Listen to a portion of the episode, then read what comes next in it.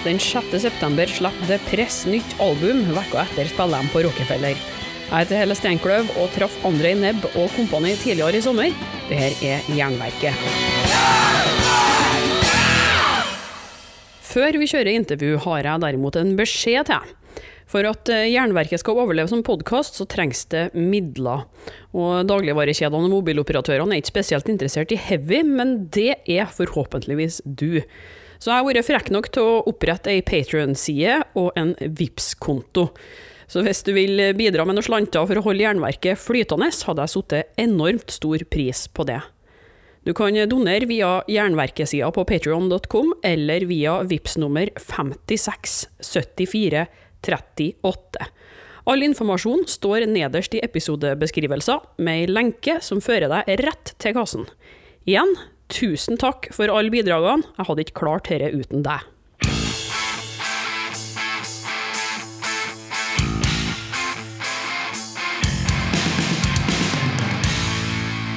Ok, men da kan vi egentlig bare kjøre i gang.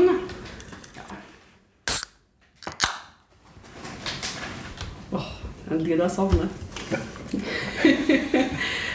men vi kan jo begynne bare med at eh, hver og en av dere eh, presenterer seg ved navn og instrument i bandet, for jeg sitter her med The Press.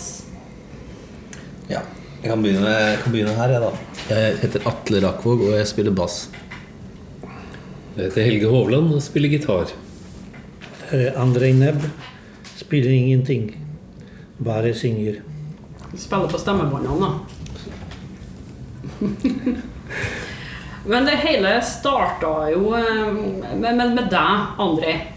Depress hadde ikke funtes eh, hvis ikke du hadde kommet til Norge i sin tid. Kan du, kan du fortelle litt eh, om det her? Hva som brakte deg til, til Norge til å begynne med? For du er jo fra Polen. Ja.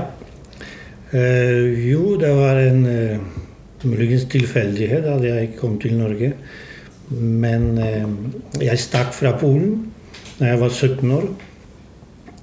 Over til eh, Østerrike. Over, Hoppa over piggtråder. Og der var jeg fire måneder i en arbeidsleir for emigranter fra østblokk. Og kom Norsk kommisjon, det het eh, Det norske flyktningrådet. Og så ble jeg intervjua, og så plukka de meg fra, fra, en gruppe emigranter. Og så kom jeg godt i april 1971. Og så prøvde jeg å aklimatisere meg her. Gikk på skoler, en del folkehøyskoler. og Gikk på kunsthåndverksskole fire år, og etterpå fire år på kunstakademi. Og imens begynte interesse for musikken under akademiopphold. Interesse hadde jeg i Polen også for musikken. Der hadde jeg også en gruppe. Så jeg stakk fra Polen for å, egentlig for å kjøpe meg elektrisk gitar, Fender, altså olabukse. Men hva var grunnen til at uh, du ville bort fra Polen? Altså, uh, sånn det korte resymé for uh, dem som ikke har fulgt med i historietimene her. Ja, altså Du skjønner, det var en regime som het, het kommunisme. En Iallfall en dårlig vinkel av kommunisme for undertrykkelse var det, Og, press fra, fra, fra, makt, fra makt de som regjerte da. Fra, ikke minst fra Russland, da. Så vi, vi var med, på en måte marionett for Russland, Polen. Så det var også det var årsak at jeg, jeg stakk fra hele, hele Mekka, rett og slett. Mm.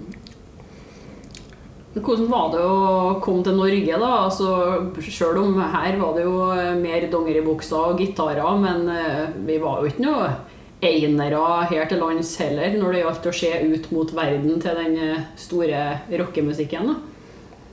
Du tenker på Norge? Ja. Nei, uansett så Ja, ja, jeg møtte med en gang en atmosfære av hippie i Oslo. Da hørte vi mye på På, på, på, på 70-åra hørte jeg iallfall mye på jazz. da. Men eh, ja, i rock, rock, rock I rockesiden så var det ikke helt eh, helt eh, Jeg var ute etter Jimmy Hendrix. Den, Jimmy Hendrix var død, da. Men eh, jeg var ute etter eh, ordentlig metall, eh, eh, rock, da. Da var jeg var interessert. Etter hvert så, så kom, kom punken, og, i, og så var jeg på konsert av Sex Pistols i Oslo i 76. Og eh, da spratt det igjen eh, at jeg kom tilbake til, eh, til gitaren. Der Jeg det på hylla eh, musikken, siden jeg har, jeg har kutta to fingre i Østerrike under arbeid. Så tenkte jeg nå kutter jeg musikken. Men allikevel, det punken ga meg en sånn eh, kick. At så enkelt man kan spille med to greper. Da holder med én finger med to grep på bassen. også én streng kunne jeg holdt også. Så det er jo egentlig det. Og da starta du etter hvert band òg? Ja, etter hvert så eh, på kunsthåndverksskole starta en band som heter Berlin Band. Det var antagelig også det inspirasjon av at jeg hoppa over Pictro. Berlin Band, ikke sant. Og så jeg husker jeg kjøpte meg en gitarbass og, og, hadde, hadde én streng med piggtråd. Resten var tre strenger vanlig. Starta det, og så etterpå starta den splitta etter et par måneder. Og starta jeg eh, Pull-Out. Der var eh, Ola Snortheim på trommer. eh, Kika Fossum på gitar. Og etterpå så splitta vi det. Og så i 1980 starta vi Depress med Ola Snortheim, og, og gitaristen var John Christensen. Det var folk med bakgrunn fra kunstmiljøet, det her òg, eller? Eh, nei, altså Jørn eh, var eh, Han eh, jobba på Klubb 7 i teater. Ola Snortheim han eh, jeg traff på gata. Han solgte smykker på gata på Karl Johan. Og sånn ble det. Jeg var egentlig fra kunstmiljø. Og med Depress så gikk det jo så vet jeg, Du hadde jo garantert ikke skjedd for deg at den første plata deres skulle bli en sånn slager som den ble. For Block to Block ble jo eh, det det ble jo en Spellemannspris på dere òg. Og den blir trukket frem som eh, noe av det beste som noen gang har kommet i norsk rock. Eh, Hvordan, hvordan jobba dere med den plata her? Eh, vel, jobba underveis, men du vet, det skjedde mye ting. I, I 1980 skjedde mye ting i østblokka. Polen eh, fikk på en kort tidsperiode frihet. Solidarność har starta sin aktivitet. Og da det er en del inspirasjoner jeg henta derfra. Så mhm. For det er veldig mye som handler om eh, i hvert fall om følelsene knytta til, til Polen og regimet der, men de det er jo òg blanda inn norsk og engelsk i eh, dette her. Hvordan fikk du surra sammen det her til å bli en slags enhet? da? Det er jo ganske uvanlig å blande språk eh, på den måten. Ja, jeg tenkte ikke på det sånn. Eh, vel eh, altså Det er sånn kakofoni. altså så eh, hvorfor ikke blande litt språkmessig? Altså, kanskje det er sånn kosmopolitisk eh, eh, bevegelse eller bølge jeg hadde. Men på norsk var det var litt, litt vrien å synge. Men iallfall Lars Hedvig kan det lett, altså. Lars Hedvig-låta på norsk. På polsk var det enkelt, fordi jeg stammer fra, fra Tatrafjellet i Polen. Så, så jeg har bakgrunn mye av folkemusikken. Så det, det bruker jeg veldig mye. Ofte har jeg inne i, bil, bildet som, som lyd og folk, folke, folkemusikk. Mm. Men altså, det, det var 80 år, altså, det, vi hørte på mye rart på den tida. Det kom, kom New Wave, og kom punken. Så eh, vi hørte mye på den, på den tida. Police var der, Magasin og Buzzcocks. Og, det, det, det, var, de gruppene var her og spilte i Oslo. Så eh, vi henta mye inspirasjon fra, fra de gruppene også. Hvordan var reaksjonen eh, blant eh, publikummerne? da? Altså, først nordmennene, og så senere polakkene. De fikk høre det her. Eh, jo. Eh, det jeg sang på norsk, det var ganske Ganske Altså, den ble tatt litt sånn flipp. jeg, bråk, jeg synger litt bråkete. Men, eh, men det, det likte publikum. Jeg merka fiskepudding Ing eh, var eh, veldig bra mm, ble godtatt, fordi det var mye ironi i det. litt surrealistiske tekster, og det, det var noe kanskje nytt for eh, miljøet her, da. Og, ja mm. Kanskje også for, oss- for oss så er fiskepudding noe så vanlig og trivielt at du, du tenker ikke over hva det er for noen ting engang. Men jeg har forstått det som at eh, du nesten så på fiskepuddingen som et symbol for hva man har å forme det om til. Ja. Det, jeg hadde en uh, forbilde at fiskepudding var en produkt. Eh, jeg gikk på mm, designlinje på Kunsthåndverksskole. Så da, da fikk jeg oppgave å eh, eh, gjøre en brett for, for massproduktive ting.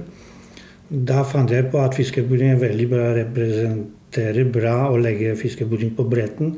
Og du vet, da man, man, lærer, man lærte dere prosess, prosessprodukt, altså utviklingsprodukt av den der bretten eller tekannen eller hva da. Og jeg tok fiskepudding, den, den der utviklingsprosessen fra begynnelsen når man, når man er fisk, og så kommer det til eh, luften, ble rett og slett eh, putta med eh, Ble smelt, meldt. melt, ja, altså kverna. kverna, og putta i en form. Så det passa litt med design, utvikling. Men eh, var selvfølgelig Jeg ble sparka fra Kunsthåndverksskole. For det, det var litt sjokk, sjokka at jeg begynner med sånne abs- abstrakte, abstrakte elementer eller former. Ja. Nei, jeg fikk ikke sparka, men de foreslo for meg at, at jeg burde skifte til akademi. Kanskje jeg var frika, da. Men det er, jo, det er jo genialt, egentlig. Da, for at det, det er å se på fiskepudding som et de design, og ikke mat. Det er, jo, det er jo begge deler. Det er jo egentlig det. Helt klart. Og selv om man kan spole tilbake til i gamle dager når du hadde lite og måtte spe på med noe for å få nok å ete, så har jo ikke fiskepuddingen forsvunnet, selv om vi har eh, bedre råd i dag. Nei, nei. Spiser masse fiskepudding. Ja, det er merkelig det kommer tilbake. Ja. Nei, jeg, første gang jeg spiste på folkehøyskole fiskeboller i saus, currysaus. Mm. Det var helt guddommelig. altså. Mm. Smakte fantastisk. ja. Jeg er fiskefan uansett. Men fiskepuddingen har jo eh, fulgt med det press eh, helt fra første stund og frem til i dag. Det kan ikke tenke seg en konsert uten eh, Ja. at det er litt fiskepudding på Ja, scenen. Ja akkurat, det, akkurat det vi spiller veldig ofte. Ja, til og med vi spiser fiskepudding. Jeg, jeg slår med hammer på, med på fiskepudding. Du hadde sånn fløtepudding en gang også. Fløtepudding. Den runde med høl i midten. Det blir litt mer luksuriøst. Ja, det er dyrere. Det er delikatess. Ja. Men eh, det, det ble ikke så veldig mange år med, med depress på 80-tallet. Eh, Allerede i 83 så Mhm. begynte Sa det Ja, vi, vi kutta etter eh, 82. Ja, hvor mange, hva, hva rakk dere å gjøre på den tida? Det, altså, dere klarte å sette det sporet i musikkhistorien, men så var det egentlig bare et par år. Den gangen. Ja. Ja, det holdt det. Eh, Ja, men det var mye ting som skjedde altså på, i, på plakaten på den tida, med at eh, Polen også mista friheten.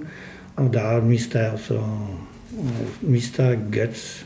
Gikk jeg over til Hollytøy med litt mørke toner og uh, annerledes. Industriell kanskje bare påvirket. Og.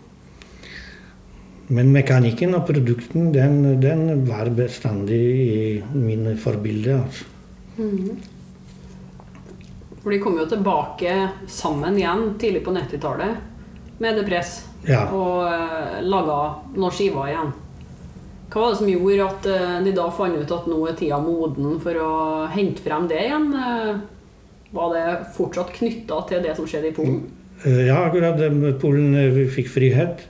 Eh, Berlinmuren falt. Og, og da tenkte jeg at hvorfor ikke komme tilbake og gjøre en, eh, en plate for Polen med, med mye elementer av folkemusikk. Og da gjorde vi en plate som ble het eh, Tre bekker, Trzypotocki. Og, var, og gjorde noen konserter i Polen på en måte Jeg søkte tilbake røtter. Så Bodde du i Norge hele den tida her, eller var du mye i Polen? eh? nei, helt til siden eh, 1990 så var jeg her. Jeg kunne ikke komme til Polen pga. jeg var ettersøkt som remming. Eh, Så, eh, så etter 92 så, så kom jeg etter hvert. Men så flytta jeg i, i 2000 tilbake på en måte, ja. Eh, Hvordan ble det press tatt imot i Polen? da? Det ble jo noen konserter der òg, da? eh, Jo, vi, 90-tall. ja, vi, vi hadde konserter først i 1981. Vi ble invitert av en eh, polsk eh, um, sosialistisk ungdom. Eh, og vi reiste der med tre banner. Jeg husker Kjøtt og det aller verste. Og der, der oppdaget eh, polakkene at jeg synger på polsk. Så vi ble veldig bra mottatt da. Ja. Men senere har jo eh, Altså, etter at Depress la inn årene, så har du jo egentlig liksom blitt en større stjerne i Polen enn her, da.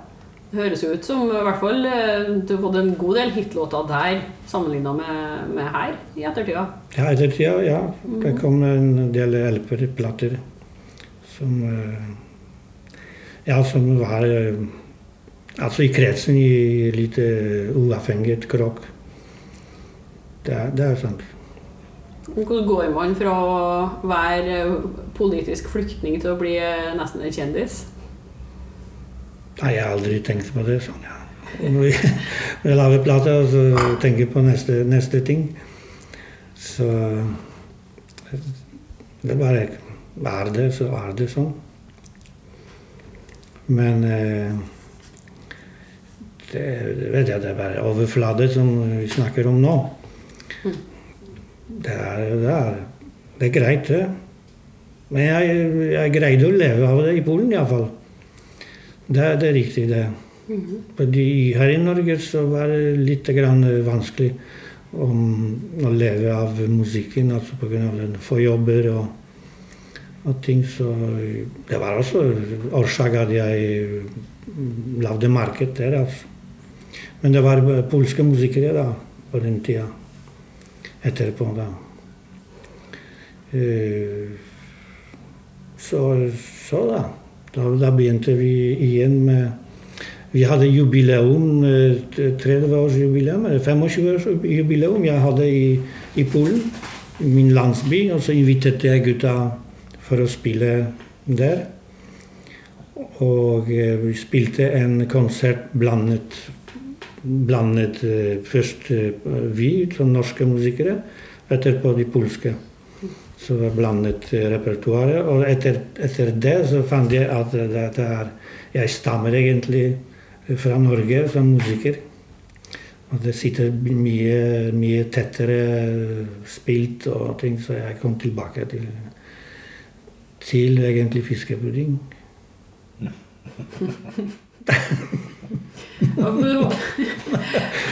For- navnet Depress har du jo brukt, sjøl om du hadde med ulike musikere opp igjennom. Det er jo en stund siden eh, Ola og Jørn har vært involvert eh, nå. Men, hvordan går man frem for å finne eh, nye musikere til et navn som er såpass etablert? Det er jo mye som skal klaffe, når, eh, særlig når man skal spille gamle låter som eh, man kanskje skrevet for 30 år siden, da, og overføre det på nye medlemmer. Ja. Nei, du bare, du bare fersker at det er kjemi i de folka som du spiller med, og det er, eh, det er riktig vei. altså. Men eh, altså, selvfølgelig, jeg traff Helge i, Helge i forbindelse med konserter i, i, i Polen. Eh, Det var 50 000. Jeg traff deg første gang. Når, Ja, 99. 1999. 1999. Ja. Hvite fugler-skiva. ja, i 1990-åra, ja. Stemmer. Ja, da var det diktplata det ga ut, det. Ja, det var det Tor Johnsen med poesi. Hvordan kom du på den ideen?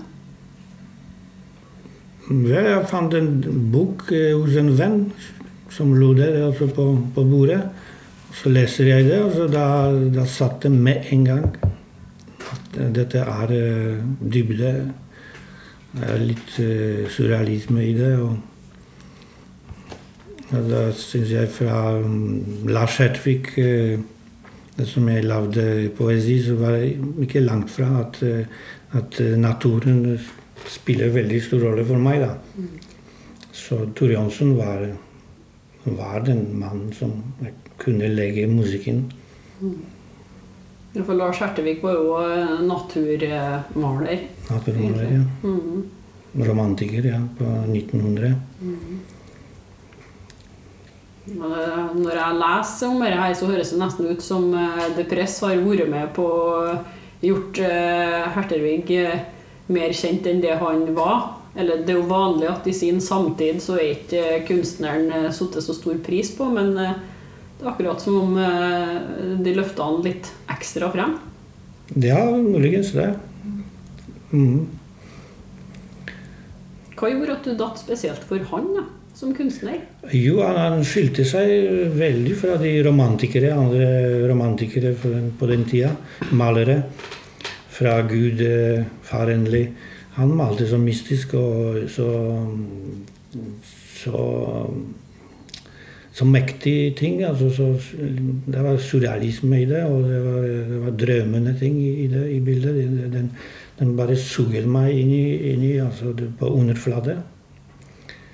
Eh, Det er antagelig den, eh, den trollskapen hans i bildet. Det- det- det- Former er helt annerledes. Han har lagt mye vekt på, på, på, på former, altså hvordan han modellerte forrutere og sånne ting. Så jeg så med en gang at, eh, at det ligna på gulrøtter for meg, snudd på huet, de der forrutere. Ja, det, det, er, det var mystikk altså, for meg. Altså. Det, det, derfor den trakk meg. Da.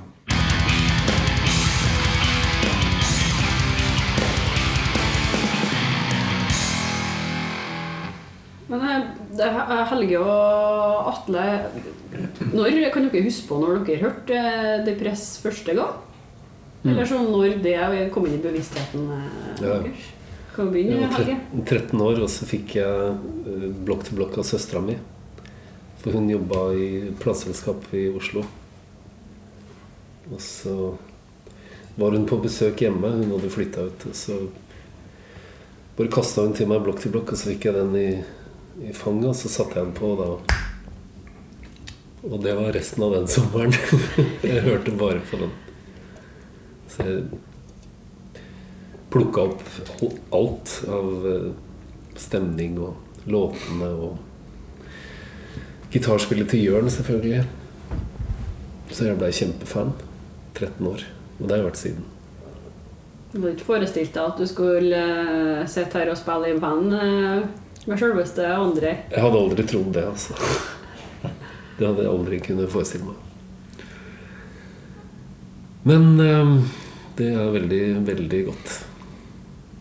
For etter dere møttes, så øh, fant dere ut med en gang at det her øh, vi, vi skal spille sammen, eller var det noen år øh, med bekjentskaper før de Hvordan, hvordan havna de Skjønte de at de skulle musisere i lag? Det var Per Vestaby som du hadde snakka med. per Vestaby var i bildet der, ja. Fordi du ville lage et band eh, for å tonesette de Tor Jonsson-dikta. Og det blei jo 'Hvite fugler'-skiva. Så Sånn, så du kjente jo. Per fra langt Ja, jeg, jeg kjente Per fra 80-åra. Med Veslefrik han spilte i. Ja. Og så spilte jeg tilfeldigvis i bandet til Per Vestaby på den tida. Så han spurte meg, og så Ja. Palle Storm på trommer. Palle var med på trommer. ja. Palle Krüger. Palle Krüger. Palle Storm, det, det var en lærer på akademi. Han var skulptur, skulpturlærer. Tøft navn. Pålestund. Ja, men hva med deg, da, Atle? Jo, jeg er litt yngre enn deg, er jeg ikke det? Jo, litt. Ja, for jeg, jeg, husker, jeg hørte aldri blokk til blokk da. Uh, 81, da var jeg bare 10-11 år. Men jeg husker, jeg husker veldig godt fra dere spilte på en sånn nattrock og sikksakk og litt sånne ting. Det husker, jeg husker jeg veldig godt. Og så husker jeg jeg ble veldig imponert for at du hadde spilte bass med bare to fingre, ikke sant? Eh, Men, da, men, men jeg var så ung at jeg hadde egentlig ikke begynt å spille sjøl. Jeg spilte bare litt gitar og sånn. Men men jeg husker det veldig godt. Og så, og så forsvant det egentlig bare. Ut av Ja, for dere slutta jo egentlig. Mm. Men jeg husker det som sagt veldig godt, ja. Og, det, og veldig den, der, den stemningen der var veldig sånn kald krig. Og, og så var det litt sånn rart, selvfølgelig. Sang på polsk og, og Men veldig sånn tiltrekkende likevel. Da. Og så gikk det en god del år, og så traff jeg Helge på Ja, det var sånn på slutten av 90-tallet. Cirka. Og da har jeg jo kjent, spilt med Helge i flere sammenhenger etter det. Og så ble jeg spurt da for to-tre år siden Ja. om jeg ville være med i Depress. da 2016. 16. Og da sa jeg ja. Med en gang. Ja, jeg husker det. ja. Og så spurte du eh, hvordan skal vi være kledd. Sibirsk, sa jeg. ja, ja. Sibirsk. Sibirsk. Altså, det var litt sånn kort fortalt, ja. For at det, det begynte med at vi skulle spille um, blokk til blokk da, i sin helhet. Det var jo det som var eh, ideen da. Og André har jo slutta å spille bass, dessverre. Som da trengte jo en ny bassist. Og så har vi spilt blokk til blokk, og det er jo fantastisk å spille den skiva i sin helhet. Det er jo kjempekult. Og jeg har også blitt kjempestor fan av skiva. Altså. Så klart. Også, men enda morsommere er det at vi lager nye låter. Og vi er i gang nå med å gi ut første skive. Med denne besetningen, da. Altså må vi jo nevne Jonas Kjærnsrød på trommer. Ja, så har vi jo med Jonas dag. på trommer. Men vi må nevne han. Ja, yes, Jonas. Mm. Jo, han var, han var venn Han er venn til eh, Palle. Mm. Så han eh, Palle anbefalte Jonas. Ja. Palle spilte trommer Ja. før en periode. Ja. Og nå blir det skive. Første singelen har allerede hørt. Høres eh, veldig kult ut. Agenten Kan de fortelle om denne plata, eller er det det første originale materialet på ganske mange år? Noe under depressnavnet, i hvert fall. Ja, hvordan det starta? Jeg tror vi gikk eh, Jeg sendte til gutta eh, riff på bassen og, og vokal grann, ikke det? Og det 30, 30 låter eller noe sånt? ja, og så var det, var det med en gang Og vi reiste til Gdansk, til studio. Og så var det tre dager der, og så smasha vi alle de låtene der. Vi spilte inn 27 låter på tre dager. Og såpass, ja. Ja, Så det gikk eh, hardt for seg.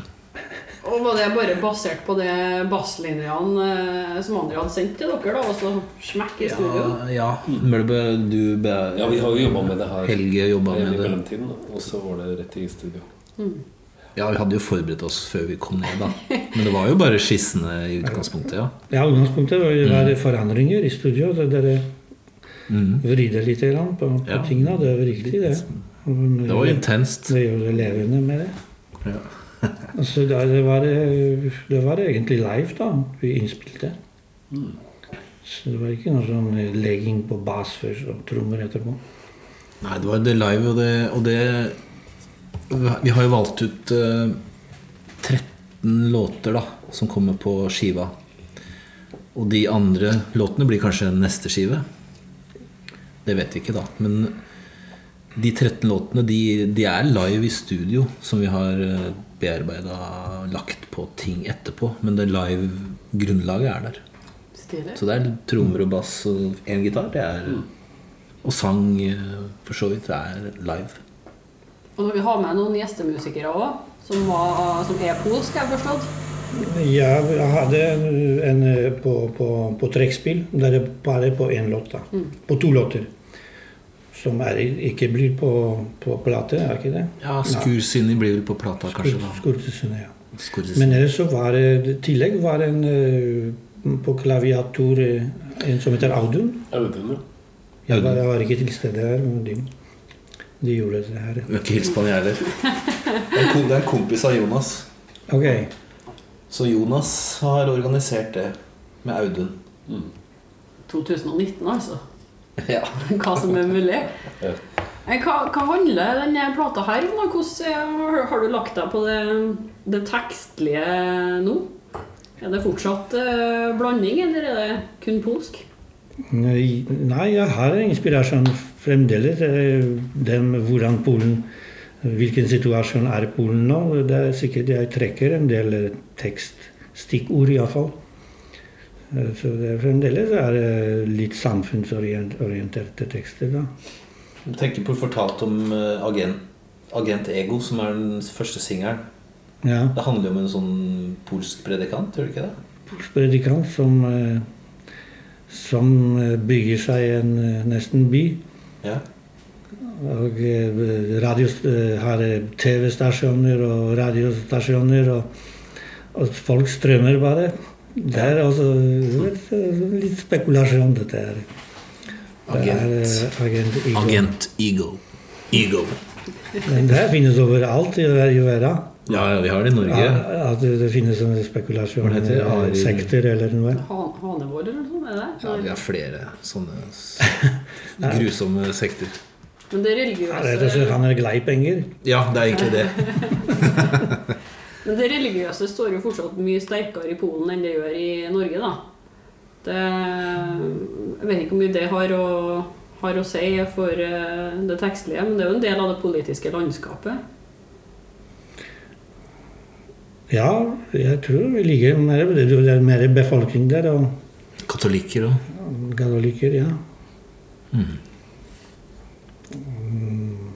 Vel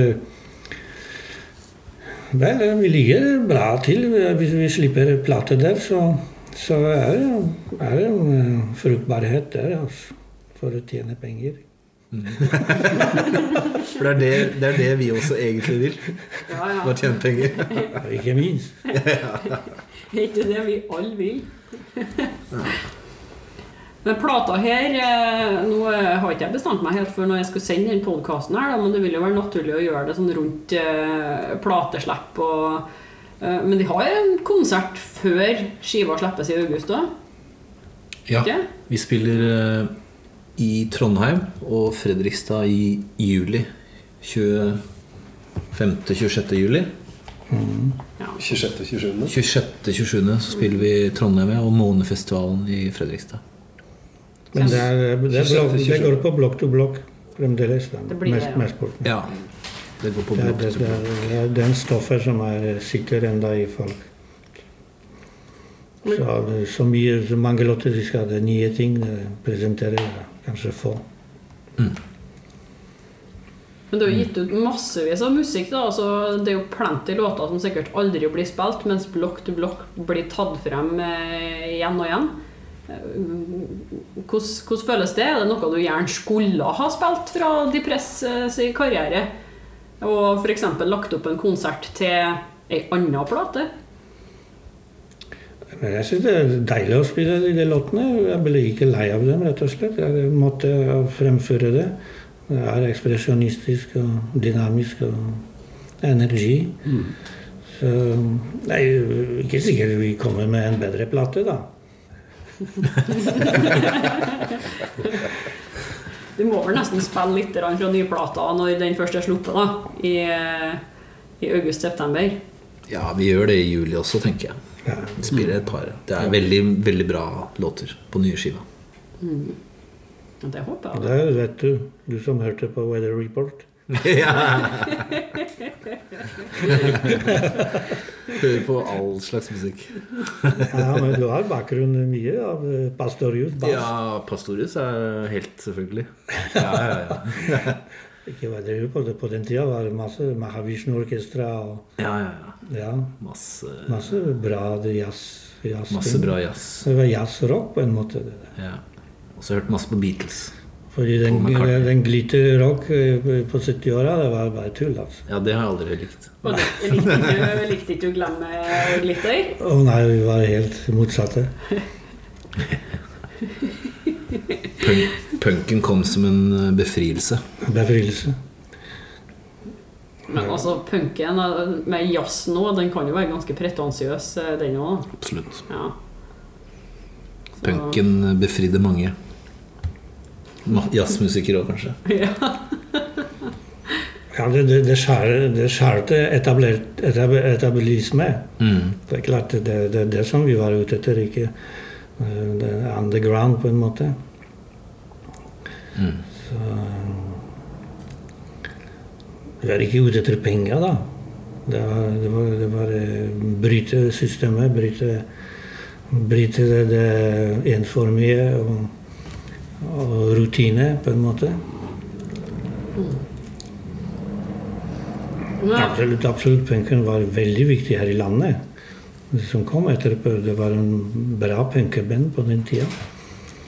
Så de, de, gjorde, de gjorde meget bra innsats. Og du ser nå, jeg ser at, at musikere har- Det er mye rockeklubber nå. Vi har, på den tida vi hadde ikke rockeklubb her. Det måtte, gutta leide steder, og vi ikke sant? Og plutselig ble det en rock, rockeklubb rock som eksisterte et par dager.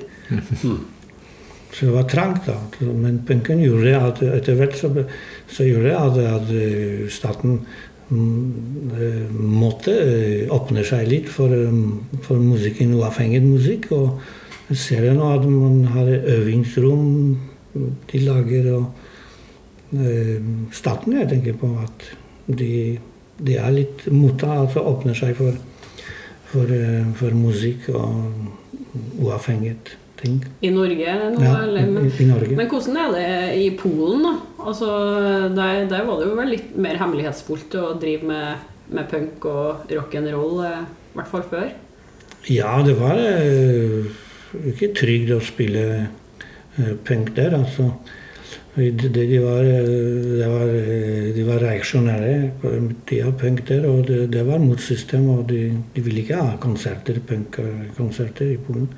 Men det var én ting som oppsto, en festival eh, der som de tillot at den nye rock på 80-åra kom, og så, og så spilte grupper. Eh, Jarocin het, het festivalen. Men allikevel så var det halvparten av eh, tilskuere det var eh, hemmelig politi. så vi gikk på en sånn kompromiss med at eh, de vil vise Vesten at her, her er frihet. Mm. Under ja, Ja. Så halvparten publikum er politi. ja, politi med kølla inn i bak, bak, baklomma. Altså. Så hvis de hadde gjort opprør, så var det bare Det var, det, det var umulig. Men altså de- punk, de, de punkene de protesterte på en måte mot systemet, men de det var delikate, altså ikke, ikke så mm, som, som Sex Pistols og det der greia. Enda litt mer Men det, det fungerte. Det fungerte på en måte. Musikken bestandig var, var åpent i, i, eh, i systemet. Eh, Jazz, de, prøv- de eksporterte mye jazz til utlandet på den tida. Så det, eh, kultur er eh, De de tok vare på kultur på en måte. Ja, de ville det. polsk, polsk frijazz. Det er jo et sånt begrep. Det er nesten et eh, sånn skjellsord. Hvis det er musikk du ikke forstår i Norge, så er det sånn Ja, det der er jo sånn polsk frijazz. Ja, jeg tenker på det som et kompliment. jeg, da. Det, det burde jo være det, egentlig. Polsk frijazz. eh, jeg skal innrømme at eh, personlig har jeg aldri forstått eh, frijazz. Og jeg gikk sammen med jazz- og klassiskstudentene i Trondheim på musikkteknologi, og de gangene jeg var på frijazzkonserter, nei, det, det forsto jeg aldri. Det må jeg bare innrømme. Hva er fri jazz? Det er, det er fritt. Det er helt fritt. Improvisasjon? Ja, veldig. Ja, ja. Men jeg, jeg ser at eh, en del eh, norske journalister, særlig da, som gjør intervju med, med deg og andre, de er veldig opptatt av å spørre om eh, ja, hva slags favoritter har du innenfor norske diktere og malere og musikere i dag. Men nå har jo du flytta fra Norge, og jeg er egentlig mer nysgjerrig på om det er noen favoritter fra Polen. Er det noen vi burde få med oss derifra? Av gammelt eller nytt? Kunst, dikt, eh, musikk? Vel, jeg var opptatt på eh, hele tida med f.eks. For en forfatter som heter Witkatze. En veldig absurd eh, forfatter. Han skrev en del eh, teaterstykker. Eh, Jeg levde mm, på 1920-åra. I- Det, det kan jeg huske. det. Men i dag er det ikke Mjøs selvfølgelig var i bildet. Men eh, men jeg er den gamle generasjonen som, som antagelig ikke, ikke er i stand til å vite hva som foregår nå. I, i, kunstnere har gått over til reklame, det vet jeg. På en måte må leve av. det, er, det er litt, eh, litt vanskelig her eh, folk er artister i, i Polen. Hvis ikke du kommer deg på overflaten så høyt at, at du selger bra plater. da. Da, ellers er, det- er, er det ikke lett for dem, altså. Uh, Støtte, det er ingen altså ting. Altså, de sliter altså med, med sånne ting, altså. Ja, Det jeg klarer å komme på fra Polen nå, er Behemoth og Vader er vel polsk òg. Behemoth er en stor sånn eh, ekstremmetalleksportvare fra Polen. Ja, det hørte jeg om, ja. Mm. Bortsett fra det så prøver jeg liksom å tenke hva er det vi får av polsk musikkeksport i dag? Nei, det er metall antagelig, det er som, som er eh, i bildet. Det er, det er, eh, det er merkelig, altså. Ja, altså jeg, Men jeg tror altså at, at, at de, de prøver å etterligne i Polen mye. De polske musikere etterligner vestlige, vestlige grupper. Og det er ikke riktig. Det det er, selvfølgelig inspirasjon er, det er noe annet. Da. Så det blir litt sånn smør på flesk for meg, altså. Uinteressant. Ja, det er, det er standardopplegg, da. Ja. Selv om de er flinke å spille og sånne ting. Men kanskje det blir eh, sånn lettere når, eh, når et land som har vært stengt over lang tid, åpner seg litt, så blir du veldig nysgjerrig på det som er ute der, da. Nei, det, det tror jeg gror inn i polakkene. Ja. Det gror i dem at de kopierer. Ja. Det er lettere å kopiere isteden altså, enn, å- enn, å, enn å kreve inn i, inn i seg. Det, er muligens det er historie som betyr mye her. Vi ble revet frem og tilbake. Vi hadde ikke fått egne ting. Men, men det, er også den, folkemusikken eh, Det begynner sånn at å komme seg av inspirasjon fra sine røtter. Mm, At de henter altså eh, Jeg tror ikke det dukker opp noe spesielt originale ting i Polen. Jeg vet ikke. Det er litt samme med Norge, det, egentlig. Det er jo veldig sånn kopi av engelsk og amerikansk musikk veldig ofte. Ja, for hvor flinke er egentlig vi til å bruke eh, folkemusikken og tradisjonsmusikken her? Veldig dårlig på det.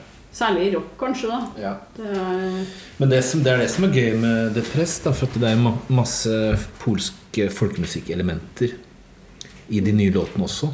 Og i de gamle låtene.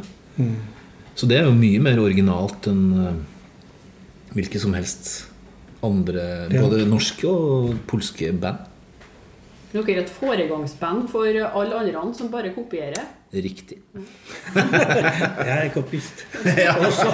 Jeg kan Nei, men det, er- det er egentlig det er, ikke er, nekte det. det er altså. lov å, Jeg- lov å kopiere. Klart. At jeg er inspirert også av Joe Division og Sex Pistols. Ja, ja. Men jeg aldri vet hvordan grepper foregår der i Joe Division. Altså, det er bare, det er bare mm, Stemning og stemning, altså, antagelig. Uretter.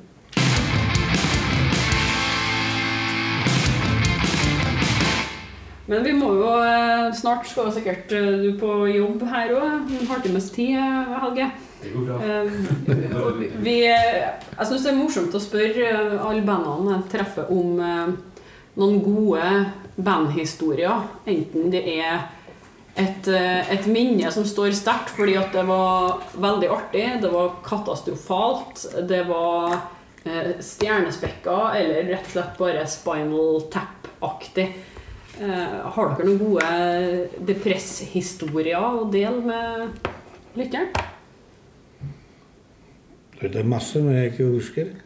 Det er masse historier, men vi husker ing- ingenting. Og dere har vel ikke rukket å få så mange historier ennå, men eh, Nei. Vi har vel Jeg har kanskje hatt ti jobber eller sånt som jeg har vært med på. Åtte jobber. I Polen? Nei, eh, ja, vi har vært spilt i. Polen også. Det må, det, må, altså, det må jo ha skjedd ting på det glade 80-tall. Altså, enten under en konsert ja, ja. konsert eller eh, den dagen alt gikk galt, eller den dagen det gikk Jo, jeg husker en sånn eh, episode. Spilte Lillehammer. Og jeg bodde på hotellet, og konserten var under etasje. Jeg husker at eh, jeg ser fra hotellrommet at det står svær kø der. Så jeg henta dyne og kasta på dem. Så de rev i den dyna. Det var eh, fjær fika i, i været. Jeg- jeg måtte betale regninga, regninga fikk jeg etterpå. Det var ikke så glamorøst i rockestjernelivet. Riktig. Ja, det var tett pakka konsert på på hotellet. Eh, har du noen historier fra Polen? Jeg tenker Særlig når dere var der tidlig på 80-tallet, og det var ikke så mye rockekonserter der, og så kom det tre norske band eh, nedover. Kan du fortelle noe fra den eh, turen? Sånne, sånne mm, situasjoner, eller hva? Ja.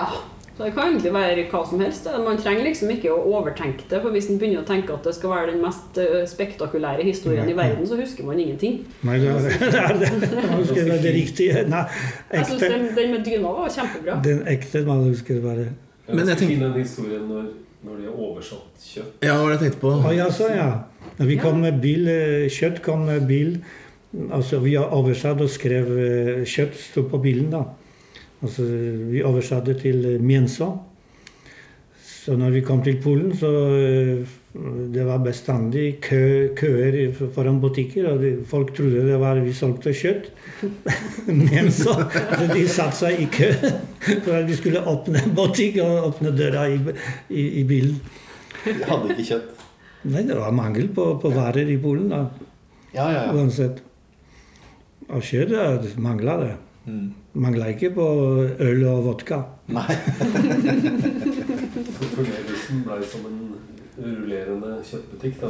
Måtte Ja, ja. Rullerende slakter. Folk ble skuffa. Det, det, var, det var ikke det de ville etter.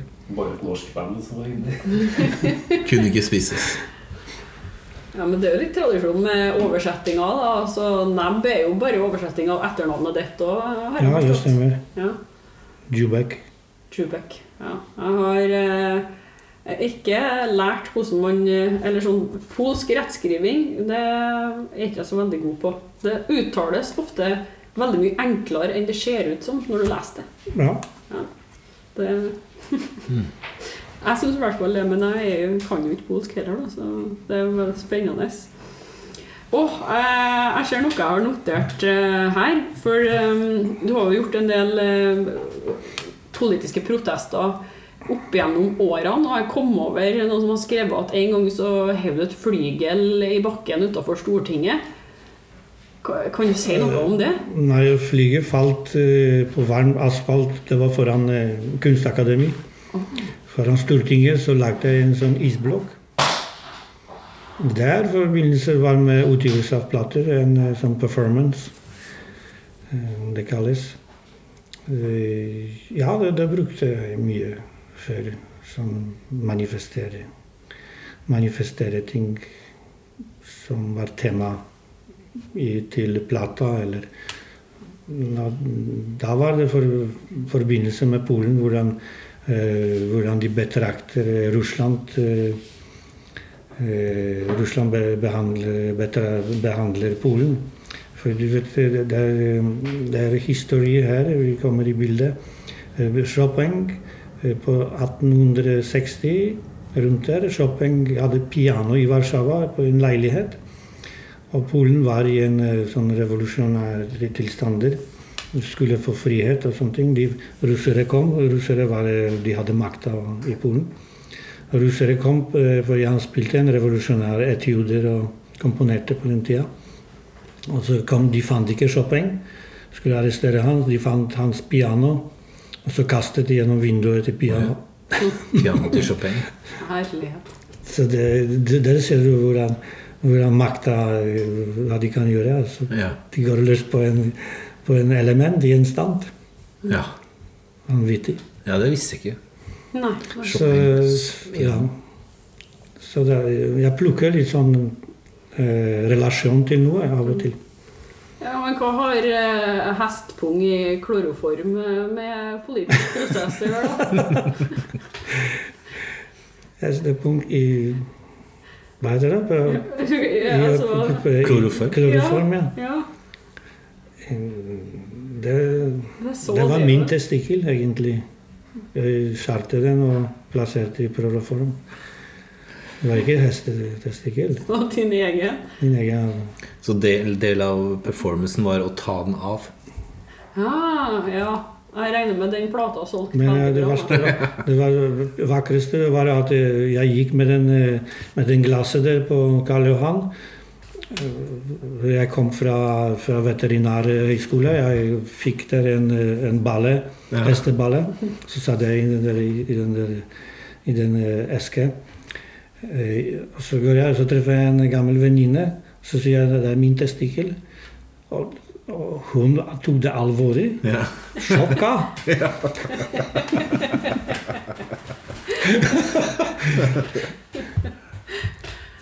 det, det, der ser man ektehet i, i Norge. Folk er veldig ekte. Ja, ja. Tar, tar Ja, ja, relasjoner. Tror det. Ja. Men Kan vi forvente oss noe performance i forbindelse med den nye plata? Det skal hete vel eh, Body Manifest, eller Body Fest Money. ja. Er vi enige, eller kanskje? ja. Body Manifest er jo veldig Ja, bra. ok, det. det er litt sånn dadaisme i det. Det er en låt som heter Body Manifest også.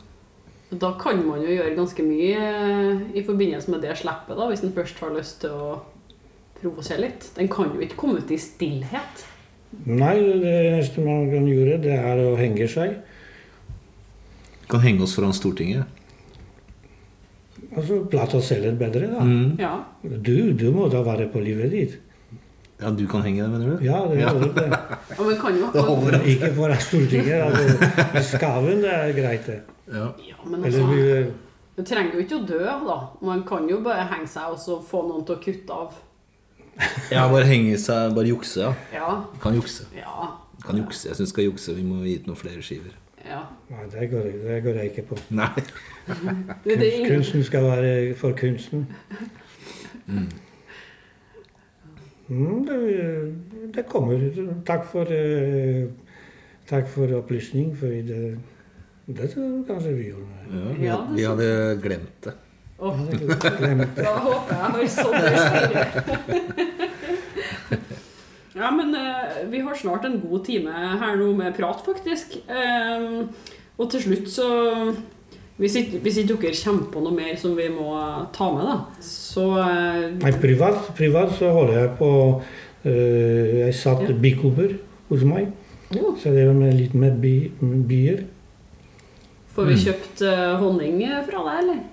Det er kanskje det kan gjøre som Ja. performance. Jeg heller over Med honning. bikuber. Ja, Ja. hente, hente, hente noen hundre bier som kan stikke på meg, eller dekke meg. For det var det fra bikuben i bildene her. Ja, det er bikuben-mønster, ja. Hva er det der for noe? Nå holder du frem et eh, blad her der det står 'Manifest Serity Andrej Dzjubeknev'. Det er min utstilling jeg har åpnet eh, i Polen Jaha. for eh, noen dager siden. Med bil- billedkunst. Hvor står eh, den, da, hvis man vil ta seg en eh, sommerferie til Den står i? Novetark. Og der hadde vi, fikk jeg forslag å spille der på en sånn eh, marketing eh, De har et tre dagers festival. Da tenkte jeg at vi kunne markere Norge eh, med mat og Ja. mat og, og musikken norsk. Jeg leter etter en, en, en gruppe, en norsk gruppe som litt sånn, som illustrerer litt av norsk uh, musikk. Som de kunne også uh, spille der. Da, ble, da, da gjorde de en hele dag norsk dag, da. Kult. Ble det godt tatt imot? Det tror jeg. Novitarg er kjent, der ligger utenfor Tatrafjellet. Og der spilte uh, ishockeylager uh, fra Norge, husker på i 70-åra. Hasle Løren. Mm. De spilte liga mm, liga-matcher. Ja. De var i Novitarg, de likte seg i Novitarg. Fordi de åpna uh, Vinmonopoler åpna på søndag for dem bare.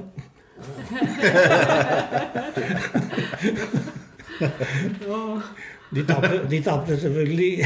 Ja, ja, så. Ja, det er knapt rart. Og så kom fra Novitarg-gruppa her og spilte. Ja. Og jeg var tolk da. Ja. Det stemmer det. Okay. Så det er mitt område, Novitarg. Det er et fint område. Jeg har bare vært i Tatrafjellene på slovakisk side. Ja, Men det, det var mange polske folk der òg. Sikkert for å handle over grensa, sånn som vi gjør i Sverige fra ja, Norge. ja, ja. Mm. Ja. Men eh, vi må få satt sammen ei spilleliste her nå.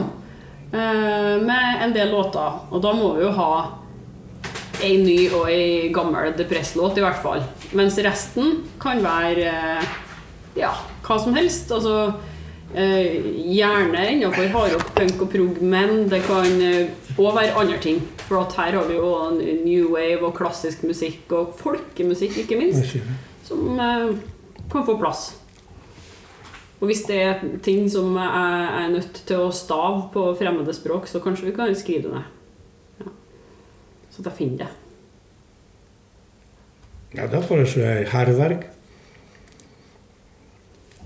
Fordi det var den tiden. Eh, Dum Dum Boys. og Klassisk så, så er jeg sist hørt mye på, på, på, på en eh, fra Litvia, Latvia, jeg tror. En klassisk eh, levende komponist. Husker ikke hva han heter. Pert, Ja, eller? ja, ja. Arvo Pert. Arvo. Arvopart, er ikke han estisk? Estisk. Ja. Ervapart, ja. Skal jeg bare ta noe tilfeldig fra Arvopart, da? Ja, tilfeldig. det ja. Hvilken som helst låt. Ja da. Skal jeg finne noe obskurt. Hva med depress? Jan vi kan- Jahn Teigen, for eksempel. Jahn Teigen, Mil etter mil. Ja. Ok, du skal... Det var det vi drev og sang på hele tida når vi var i eh, dans. Det. Ja, det var det. Det. skal vi på Grand Prix-fest nå på lørdag, eller? Hvor er den? Nei, jeg vet ikke.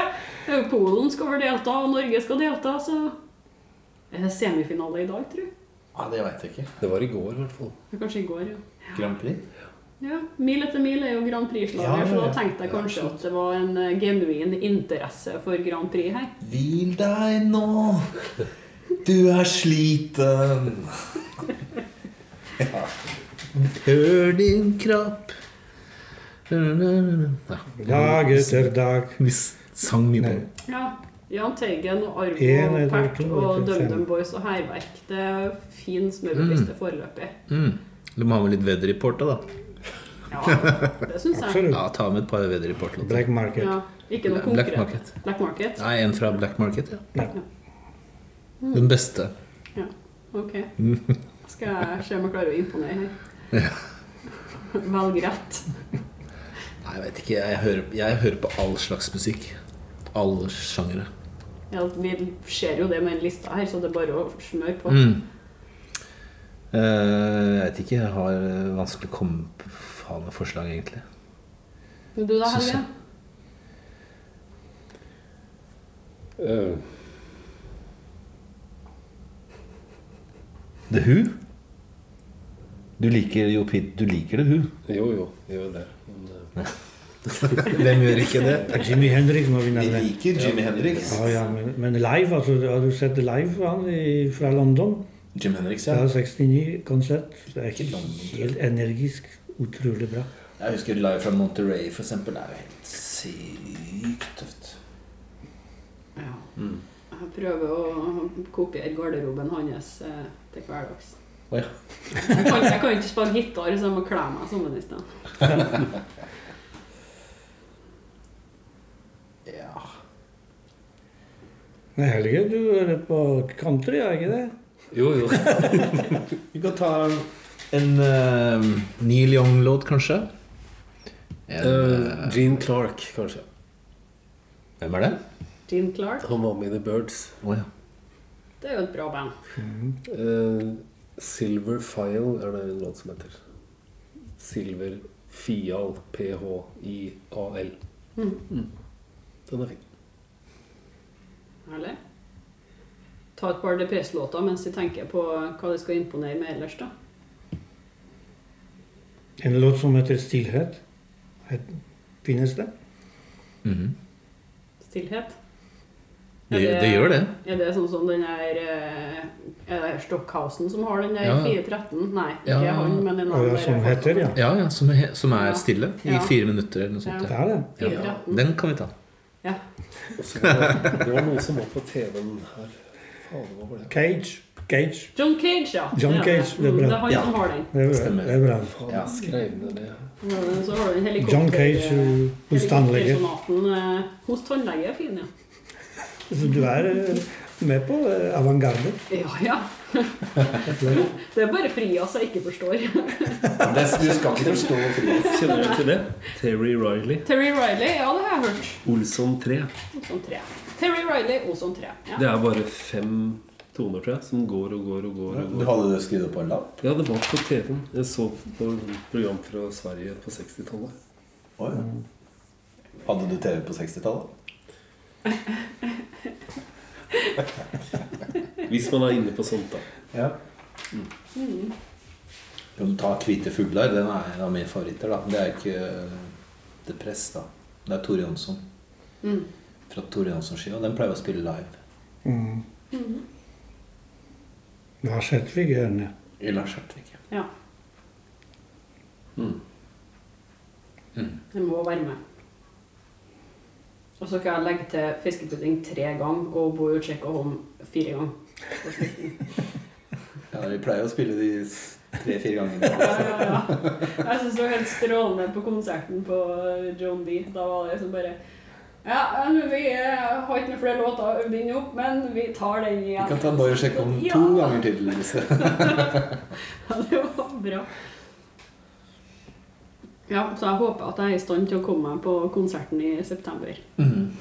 Du skal ha med oljefat og, og sånt òg, eller? eh, Nei, jeg slutta å bruke det. Det er mye bryderi. Ja. Ja, Du drar med seg eh, eh, slipperskive. Det er lettere å ha med bare en fløtepudding eller fem. Det er lettere. Det Ja, for du kan du kjøpe, få noen til å kjøpe på stedet. Ja. Lokal fløtepudding. Stå på raideren. ja, ja.